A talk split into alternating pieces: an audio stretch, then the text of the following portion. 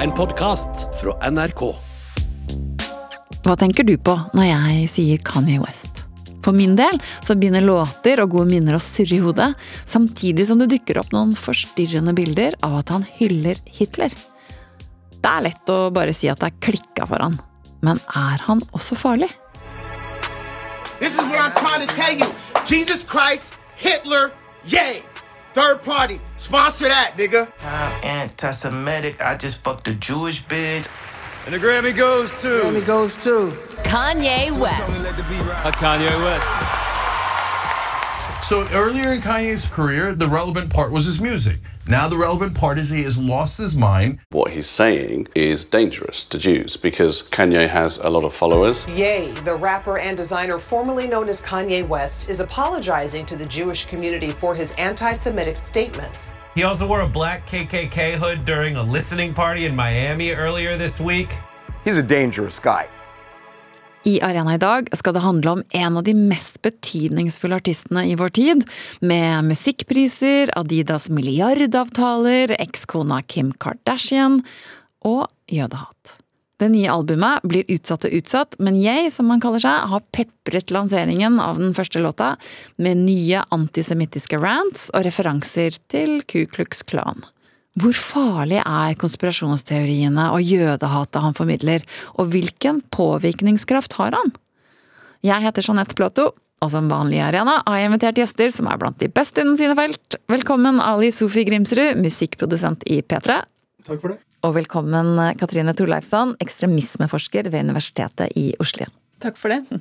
Ali, eh, så har det vært varslet eh, et nytt album, jeg nevnte det nå i sted.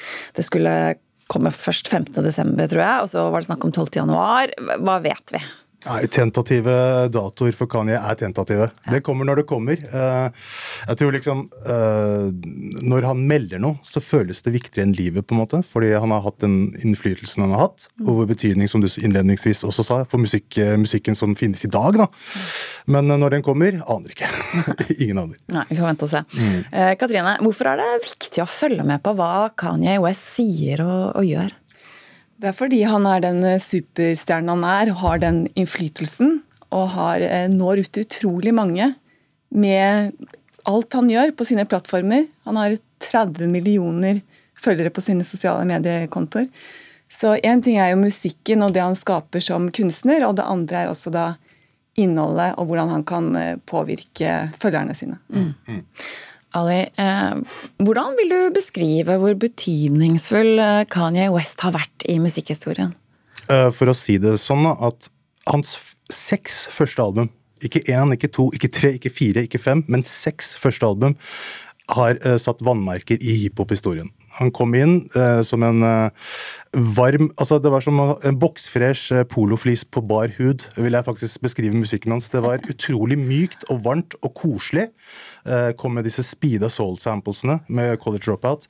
Og, er, og nå snakker jeg ikke om til og med ting han lagde før han ble den artisten han ønsket å være. ikke sant? Fordi Kani har jo konstant, konstant vært i en trang dress som han hele tida vil vokse ut av. Så Kanyes betydning for hiphop-musikken er enorm, uansett hvordan man vrir og vender på det. Men eh, da jeg ble invitert til den podkasten og begynte å gå tidslinjen, da jeg starta med den følelsen som jeg innledningsvis sa. Deilig fleecegenser. Deilig Kanye, liksom. Da jeg først ble introdusert han da jeg var 18 år og hans produksjoner. da. Og så blir jeg gradvis mer sånn interessert. Ok, greit, han tok den retninga her, ja. Han lagde Watch the Throne med Kanye, med, med JC. Konserten i Telenor Arena. Den største konserten jeg noensinne har opplevd, rett og slett. Og så ser du liksom galskapen tilta. ikke sant? Og det er, der, det er der folk begynner å falle av. ikke sant? Og jeg ble sånn gradvis mer lei meg. Jeg ble, det var som som vi snakka om før sendinga, altså mitt, mitt, øh, min kjærlighet til USA er, er enorm. altså Påvirkningskrafta det, det, det landet der har hatt på meg på når det gjelder kunst og estetikk og idrett, har vært helt enorm. Men så ser du liksom at det forfaller, da. ikke sant? Og Kani på, har på sett og vis, fra et personlig ståsted, har forfalt. øh, men det er veldig mange som mener det han gjør nå, er viktigere enn det han noensinne har gjort. Så Vi skal, vi skal inn i Ja. reisen, Ali, for det, det er litt av en reise. Eh, men jeg tenker før vi, før vi går dit, så må vi høre litt på musikken hans. Eh, hva, hva er din favorittlåt? Uh, altså Hvis vi skal tenke det første Kanye-låta jeg tenker på, det er All Falls Down. Ja, Det vi hører på er- den, syns jeg. Ja, gjerne. Ikke sant? Ja. Yeah. real one, baby. I'm telling you. Huh. Chi-town stand up. Southside, Southside, we gon' set this party off right. West side, West side, we gon' set this party off right. Man, I promise. Hva, hva gjør den med deg?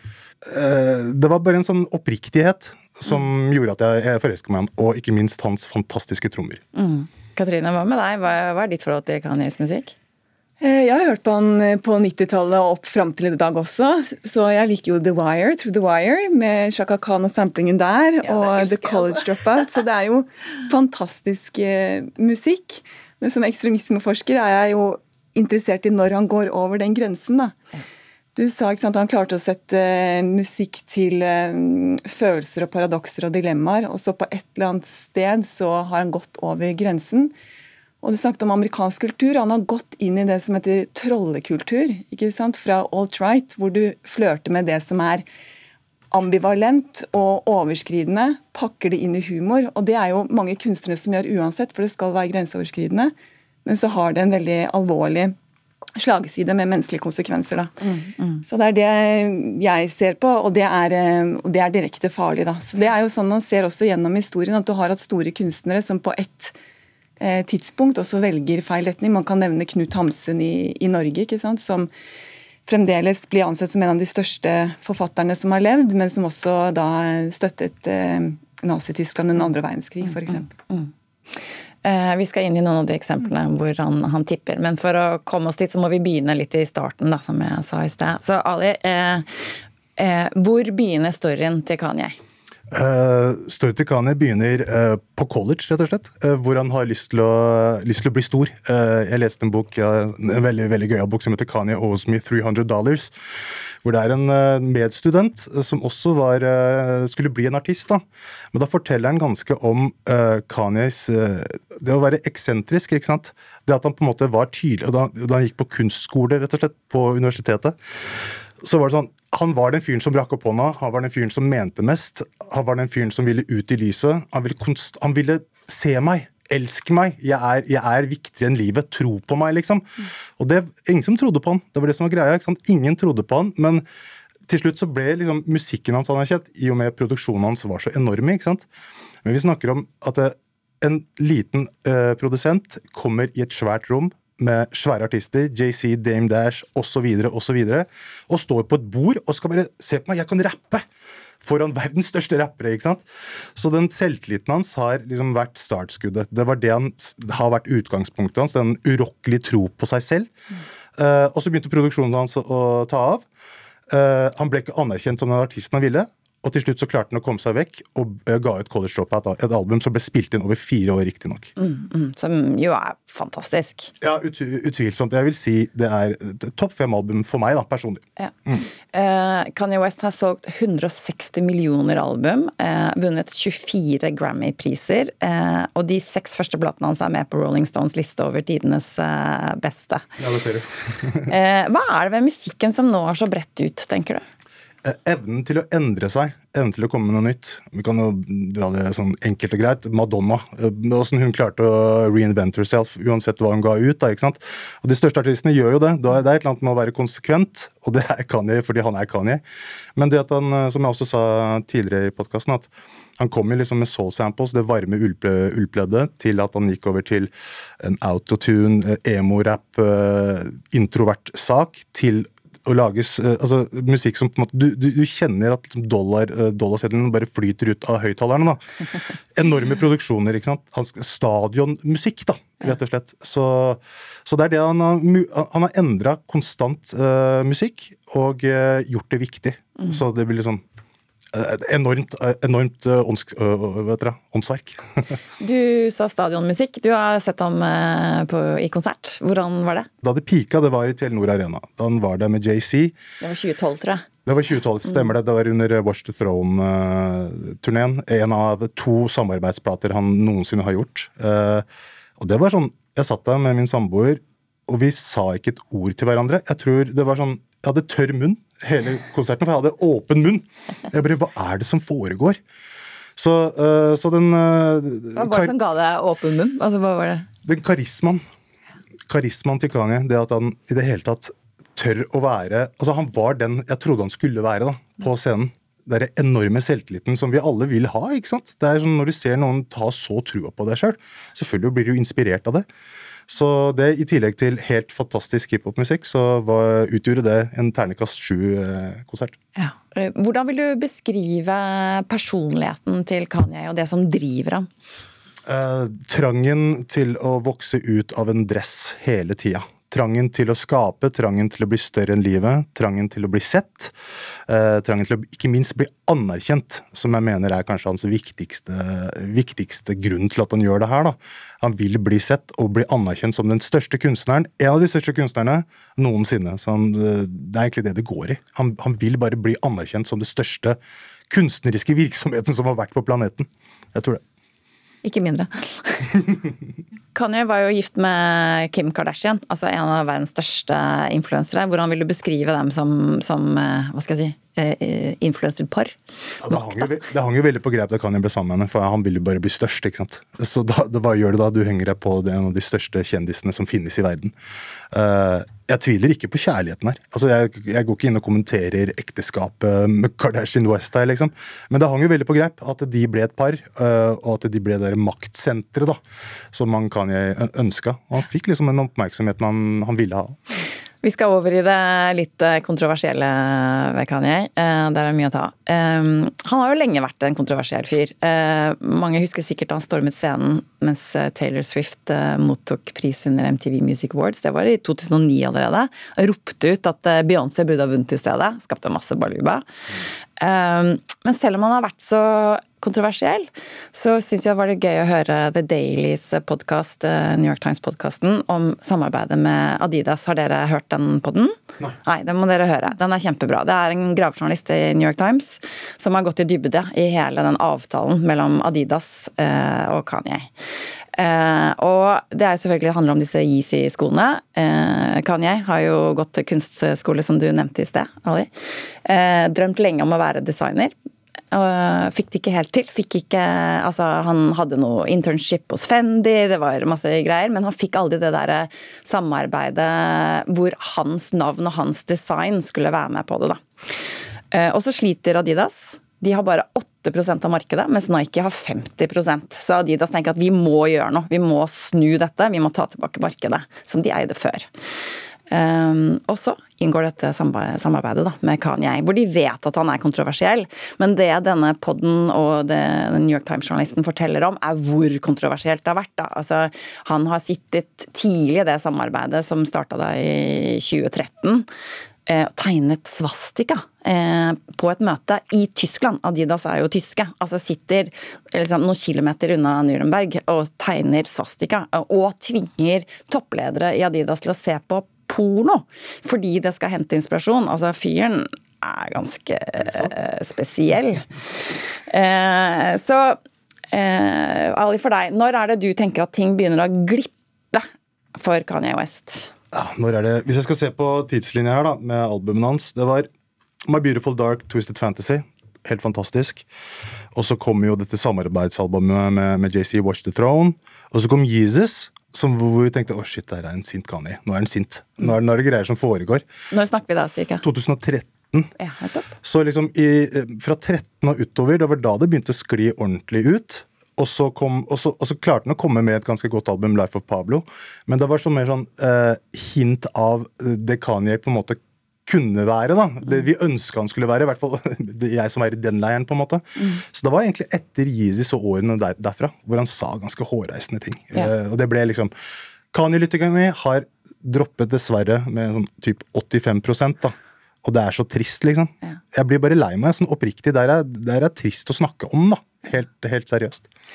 Forholdet til moren har vært viktig for ham, og hun døde. Ja, det gikk veldig veldig dypt innpå den, og anbefaler alle å se denne eh, dokumentarserien som var på Netflix, Jesus, hvor du får et sånn enormt godt innblikk i hvem Kanye er, da, som forklarer egentlig hvor komplekst han er, og hvor dypt og sterkt forholdet han hadde til sin mor. Uh, og det jeg tror liksom det var også et veldig sånn vannmerke i livet hans, da, et skille i livet hans da hun forsvant. Da var det en sånn Han ble så dyp og så mørk, da. Uh, og det tror jeg skapte en eller annen sånn slags Sort Huljan, eh, som endte med at han lagde et fantastisk album som eh, musikken i den dag i dag er inspirert av. Men jeg føler kanskje at fra og med der og da så begynte ting å kanskje skli litt ut, da. Mm. Dessverre. Kat- Katrine, du har også sett den dokumentaren, vet jeg. Hva gjorde inntrykk på deg? Um, Det er jo det som beskrives her, at det går fra en som er eh, en stor kunstner, som klarer å vekke følelser, som klarer å sette ord på det, til at han hva kan man si, nærmest radikaliseres. ikke sant? Det kan være jo sammensatte årsaker til det. Om det er personlige kriser, moren dør, han er i en bilulykke, livet er hardt, eller om det er mental uhelse, som er et element her, eller om det er at han er veldig ideologisk drevet, eller at han er en del av alt-right trollekultur. Det er fire årsaker og sårbarhetsfaktorer, men det kan være veldig sammensatt. Men uavhengig av de årsakene, så er konsekvensen at det han ytrer og det han gjør på sine plattformer, og også nå gjennom musikken, det, det har jo stor, stor innflytelse. innflytelse. Så det er jo også selvfølgelig eh, trist når noen går den, eh, går den veien og krysser de linjene. Um, ja. Ali, hva, hva vet vi om hans eh, mentale helse? Han har vært, vært åpen, Det var jeg litt sånn usikker på om han har faktisk vært veldig åpen om det, fordi det har vært et kakafoni av Kanye nytt de siste ti åra. Men han har jo vært åpen om det. Han har vært innlagt eh, med bipolar lidelse. Og det er sånn Hvis du ikke du kjenner noen som har hatt bipolar lidelse, så er det vanskelig å forstå helt hva det innebærer. da. Men eh, personlig så har jeg folk i familien som har lidd med det, og det er sånn det er vanskelig å forholde seg til, og det, det, det setter i gang så mange antenner. da. Det setter i gang liksom hva, Du får et sånn slags sånn 360-blikk som, du, som, du, som du, bare, du bare spinner og spinner og spinner. Sant? Du sier helt geniale ting, du kommer på helt fantastiske ting, men så er det et mørke der da, som ikke bare gir seg, rett og slett. Så ja, komplekst. Mm. Eh, vi må snakke litt om eh, 2022, for da går det jo ordentlig galt, kan vi vel si. Ja. Um, da skjer det flere ting som gjør at mange store samarbeidspartnere og fans vender i eh, ryggen for godt. Jeg skal fortelle litt kort, sånn at vi kommer oss gjennom det. Men eh, han skapte først ramaskrik da han brukte T-skjorter med teksten 'White Lives Matter' på et moteshow for sitt eget merke under moteuka i Paris. Eh, Denne frasen blir jo av mange referert til som rasistisk. Så postet han flere ting på sosiale medier med antisemittisk innhold, annet en davidsstjerne med en, en svastika inn på, inn på X, som ble stengt ut fra både Instagram og X, altså tidligere Twitter. Luksusmerket Balenciaga droppet alt samarbeid med han. Adidas avsluttet eh, partnerskapet med Yay. Skrev i en pressemelding at Kanyes uttalelser var farlige. Og så ble han droppet av agentbyrået sitt, eh, og avtalen med plateselskapet Def Jam Records er over og ut i 2022. Um, og så i tillegg, da, 2022, så det er jo året hvor jeg tar en veldig mye omtalt og kritisert middag eh, med Donald Trump og høyreekstremisten Nick Fuentes.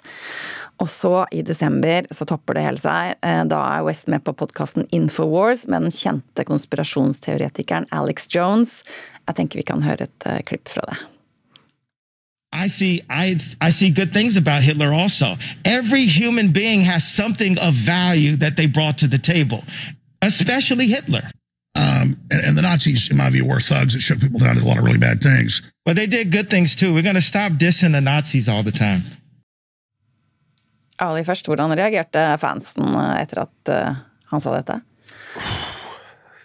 Ja, uff, jeg, det, først og fremst så får jeg sånn støkk i magen av å høre det her. Det er bare helt absurd å høre det her. Det er helt merkelig. Men jeg jeg kan si det sånn at uh, den halvdelen som vendte han ryggen, de brød seg ikke lenger.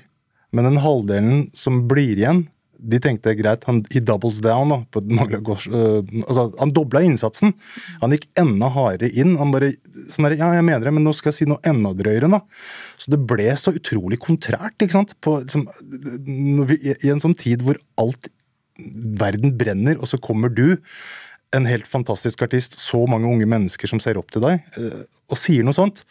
Så jeg tror liksom av de 50% som ble igjen, 20 ble enda mer inspirert, dessverre. Uh, nå skal jeg ikke ta noe side her på noen som helst måte, så nå bare konstaterer jeg hvordan ting er. Eh, mens de resterende 30% bare Ja, der er Kanye. Så enkelt er det bare. Ja. Katrine, hva var reaksjonene etter den eh, uttalelsen? Nei, Det var jo eh, sterke reaksjoner. Selvfølgelig, Dette er jo klassisk eh, antisemittisme.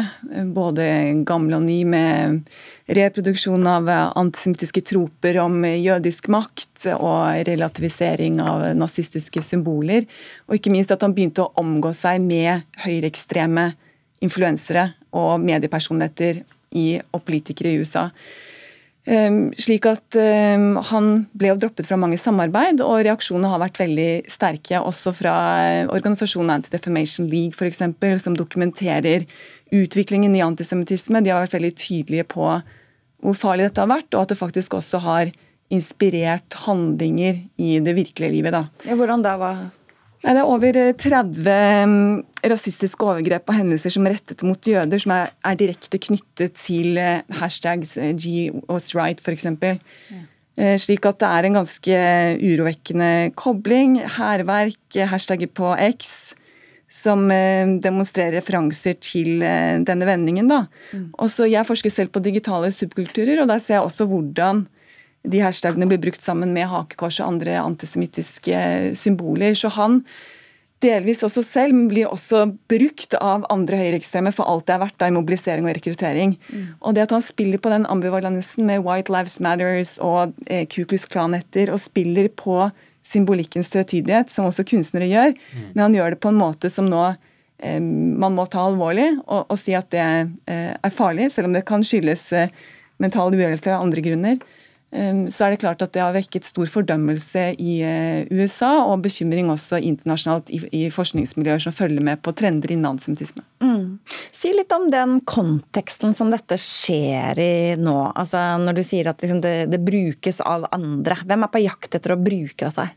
Det er eh, et bredt eh, brede miljøer, men selvfølgelig er det primært høyreekstreme også, hvor antisemittisme kommer fra. Og så er det mange andre miljøer. Det kan være mm, konspirasjonsmiljøer, alternative venstre, eh, ekstreme islamistmiljøer. Og spesielt når man ser i kontekst av også eh, Nå er det konflikt i Midtøsten igjen, og vi ser også fra forskning og historisk at da eskalerer rasisme i respons til det. Det kan være det er antisemittisme og også muslimfiendtlighet. Man ser også en internasjonal økning i antisemittisme, hvor, hvor, jøder utenfor da Israel blir holdt ansvarlig for eh, statens Israels eh, handlinger. Mm. Så det er klart at det er et veldig sånn polarisert eh, kontekst. Og da at man har superstjerner med den innflytelsen som bruker sine plattformer til å um, oppildne ytterligere om det, da, selv om det ikke er direkte knyttet til, til um, den konflikten. Det har jeg ikke sett i, i de miljøene jeg observerer. Men at det er veldig uheldig i en tid hvor man trenger forebygging, dialog og mer humanitet og kjærlighet, som var mye av det han sto for tidlig i karrieren. Absolutt. Mm. absolutt. Ja, så, så det, er jo, det er akkurat det, det der, uh, motsetningsfylte forholdet der. At han kom inn som uh, så hyggelig, koselig greie til å bli uh, en som lefler med, med, med, brune ideer og graviterer mot livsfarlige folk, da. Og det er jo Det er en, det er en ugrei dualitet som, som, som, på en måte ikke unnskylder unnskylder liksom tidslinja. da. Ja. For én ting er hvordan det er polarisert her i Norge, bare den debatten, da. Men i USA, hvordan er, er på en måte det, den antisemittiske debatten akkurat nå i USA? Mm. Uh, antisemittisme har jo lange historiske linjer. Uh, det Kanye West har blitt en representant for, og hvordan han også brukes i miljøene, er jo den såkalte alt-right-bevegelsen, som er en sammensatt blanding av ulike høyreekstreme miljøer. Og når han lanserte seg selv som presidentkandidat, så har han tatt med Milo Yiannopoulos f.eks., som er en eh, alternativ høyre, og også eh, omgitt seg åpent med nazister fra hvit maktbevegelsen i USA. Så eh, Det var også de han tok med på den middagen hos, eh, hos Trump. Så dette er løst sammensatte allianser. Og Milo Yiannopoulos kom rett fra stillingen som rådgiver til eh, Major Tyler Green, kongresskvinne som også er kjent for å spre konspirasjonsteori om QAnon. Men mange av disse teoriene og den trollekulturen og den dobbeltheten har jo sitt opphav i internettkultur også, og i kreativ subkultur.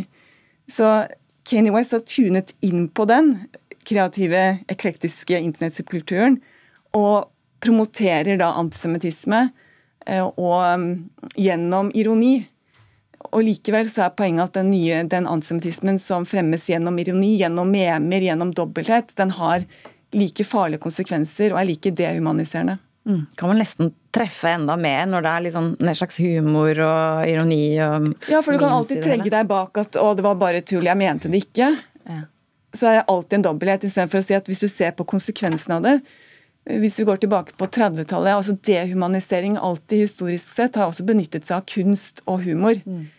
Det har også benyttet seg av musikk. Grunnen til at musikk er så sterkt middel i radikaliseringsprosesser, er jo fordi det er ikke bare en tekst du leser, det spiller på følelser. Du får med deg kroppen, du får med sjelen. Det resonnerer. Hvis du ser på rekruttering i hvit maktbevegelser både i Sverige og USA, f.eks., står jo eh, vikingrock og det, Da kan vi komme til sant, også coveret på Vultures. Det minner jo veldig mye om ja, fordi Vultures det er jo da den første låta som er sluppet fra det som da mest sannsynlig blir et album som kommer. Eh, samarbeid med rapperen Ty Dolla Sign. Ja, ja. Um, og de slapp én låt, uh, Vultures. Hva syns du om den låta? Uh, ja, det er jo den industrielle Kanye-greia. Det Helt greit. Helt streit. Helt streit. Helt streit. Eh, Men det som ikke var så streit, da, det var lanseringsfesten i, midten av desember. Eh, Katrine, da, da stiller han i en litt spesiell hette, kan vi vel si. Hva slags symbolikk er det han leker med her? Ja, Her flørter han med Ku Klux Klan-symbolikk. Altså eh, den verste organiserte hvit overmaktorganisasjonen i, i USA historisk. Og det går tilbake til også at Han har jo tidligere erklært White Lives Matters og gitt ut låten Black Skinhead, sånn at han har denne historikken. Men det han også gjør på Vultures, er jo at han flørter med den norske drapsdømte eh, Varg Vikernes sin estetikk. Hvordan da? Ja, Både på coveret og i fonten. Altså Både på eh, fontbruken og selve bildemotivet. Um, og som minner veldig da om et album som eh, da den draps, for drap og brannstiftelse og hans eh, metallsoloprosjekt eh, brukte. Ja, Bursum. Og så er det ikke første gang han har hatt eh, befatning med den musikken av Bursum. Altså I 2016 så ga jo også rapperen Gucci Maine ut låten 'Pussy Print', som inneholder også sampling av en låt fra det ene albumet til eh, Varg Vikernes. Sånn at det er sant at, ja, at Igjen, er det bevisst eller er det ubevisst, men det er i hvert fall tydelige referanser til det. Um, Mm. Ja, det, det, det stemmer det. Det er igjen, det er jo det vi har snakka om en time nå, at Kanye er en kontrær fyr. Han vil, han vil vekke harme, han vil vekke oppsikt han, til enhver pris, nesten. da. Mm. Jeg må bare spørre, eh, altså I den Vultures så kommenterer Kanye også jødehattkritikken i teksten. Eh, er det første gang at han, han, altså han Det sier hva han sier, da, forresten. Altså, han sier 'How am I antisemitic? I just fucked a Jewish, Jewish bitch'. Hvordan kan jeg være antisemitt? Jeg har hatt sex med en jødisk dame. Eh, Ali, er det første gang han, han på en måte kommenterer det antisemittiske i tekstene sine? Ja, det kan nok stemme. Han nevnte holocaust i Watch the Throne, husker jeg. Men det var vel ikke, det var før han på en måte bikka fullstendig over. Men det kan nok stemme, det. Ja. Katrine? Men Det han også søker, er jo det som er kjent i trollkultur som en sånn giftig form for berømmelse. Da. At du søker anerkjennelse på å være så provoserende du kan, Mm. på å være så overskridende, på å være så drøy, og du rammer det inn som mot politisk korrekthet. Og jeg har hatt en oppvåkning, jeg vet hvordan verden egentlig henger sammen.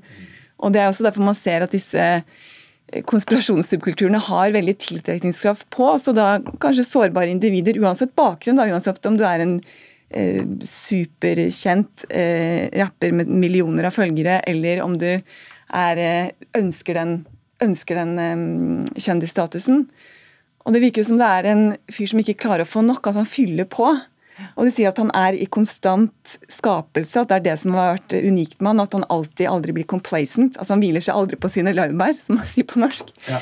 Eh, og samtidig i den altså i den sulten etter anerkjennelse, etter å bli akseptert som rapperen og ikke produsenten, i å fylle på, så ser han til slutt en kjempe som ser i speilet og ser ingenting, som er sitat fra den dokumentaren om han, hvor moren sier Kani, når du ser deg selv i speilet, du ser en kjempen, da ser kjempen ingenting.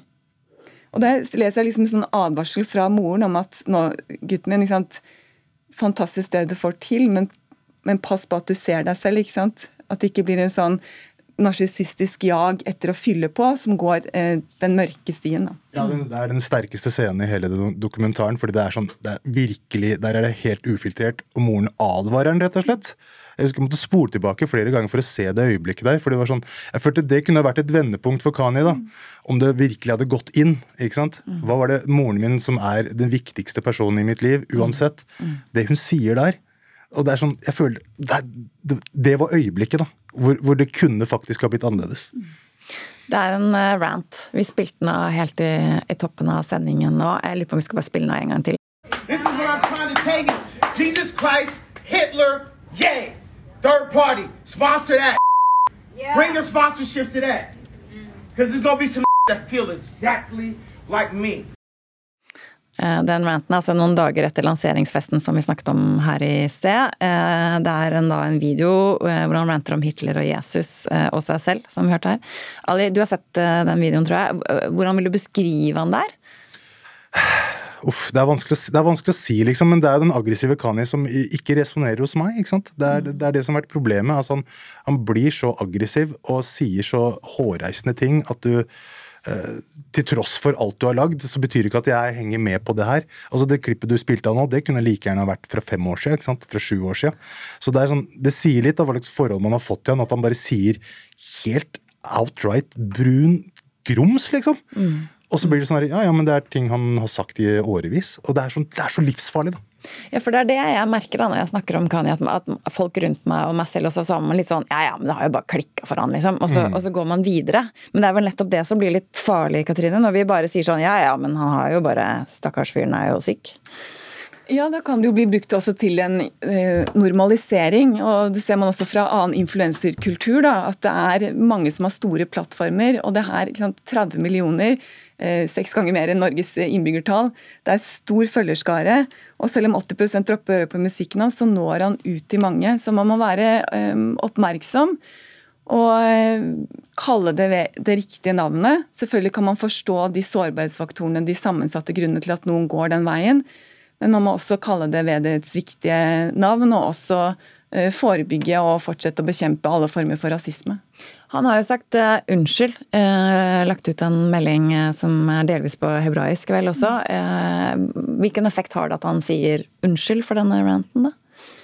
Jeg tror det må tiden vite, at hvis du har noen år med track record og være, kommer med mange rasistiske uttalelser, så det er jo for så vidt bra. Alle mennesker kan endre seg, og unnskyld er et første skritt. Eh, til eh, tilgivelse og forsoning. Men jeg tror nok det vil ta lengre tid før eh, no, veldig mange tror på um, oppriktigheten i den uttalelsen. Mm. Spesielt koblet opp mot det vi nettopp har snakket om med antisemittiske referanser i musikk og albumcover. Men er han antisemitt, vil du si? Eller er han på en eller annen måte på at han hiver seg på en eller annen bølge, eller vet vi bare ikke? Det er jo det spørsmålet alle i trollkulturen vil man skal stille. Så jeg vil si at det, det, spiller ikke så mye rolle, for jeg vil si at hans handlinger og holdninger og er antisemittiske. Det holder egentlig. Mm. Og, og, det er det som man må også fordi hele mm, alt-rights logikk er å gjøre seg selv uangripelige gjennom den dobbeltheten og gjennom ironi, eh, unngå bokser. Og det er jo Alle kunstnere hater bokser, og man skal unngå bokser. Men i det du gjør det, og da kobler det opp mot eh, rasisme, dehumanisering, så eh, spiller ikke det så mye rolle hva man da kaller den personen, selv om veldig mange sier ja, han er en unapologetic, han er eh, ikke unnskyldende antisemitt.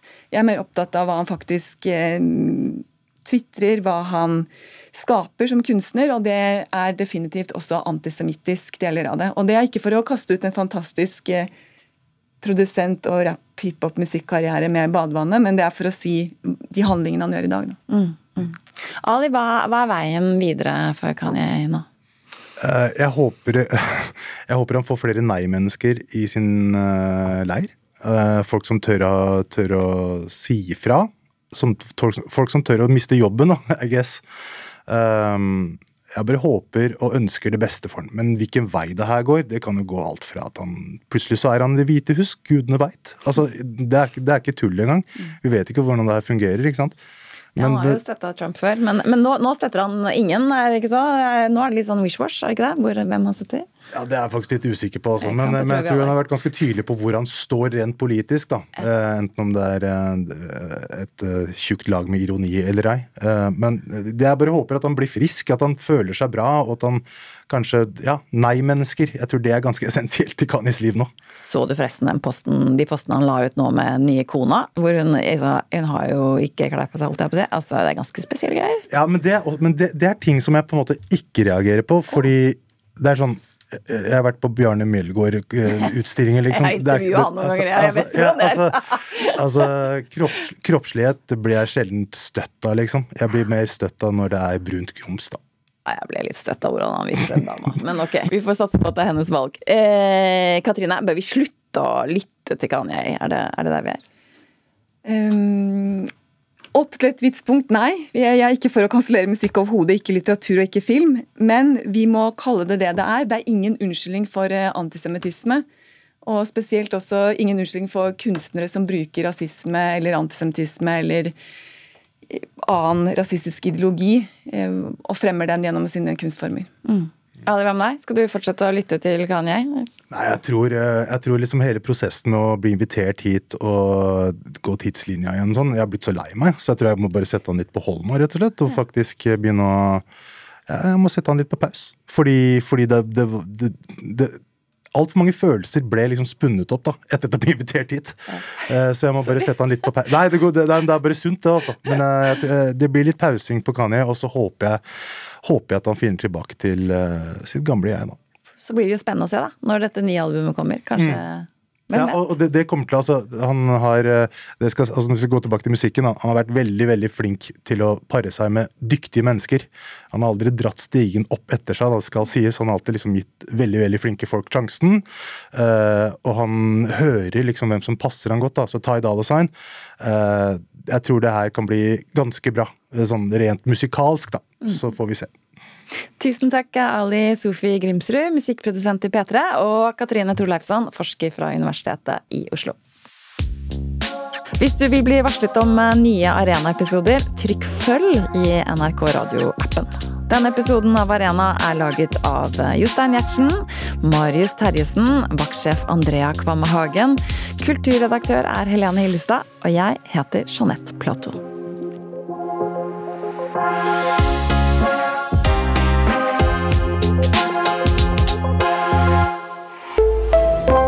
Podkast fra NRK. Har du også sett TV-serien Makta og sitter jeg med noen spørsmål? Det har i hvert fall jeg. Jeg heter Torkil Risan og lager podkasten Seriesnakk. Her får jeg serieskaperne og skuespillerne i serien til å ta det med bak i kulissene, men også dem som faktisk var der da det skjedde, til å fortelle sine historier. Og lurer du på noen ting, så kan du stille spørsmål til de involverte i appen NRK Radio. Hør Seriesnakk i appen NRK Radio.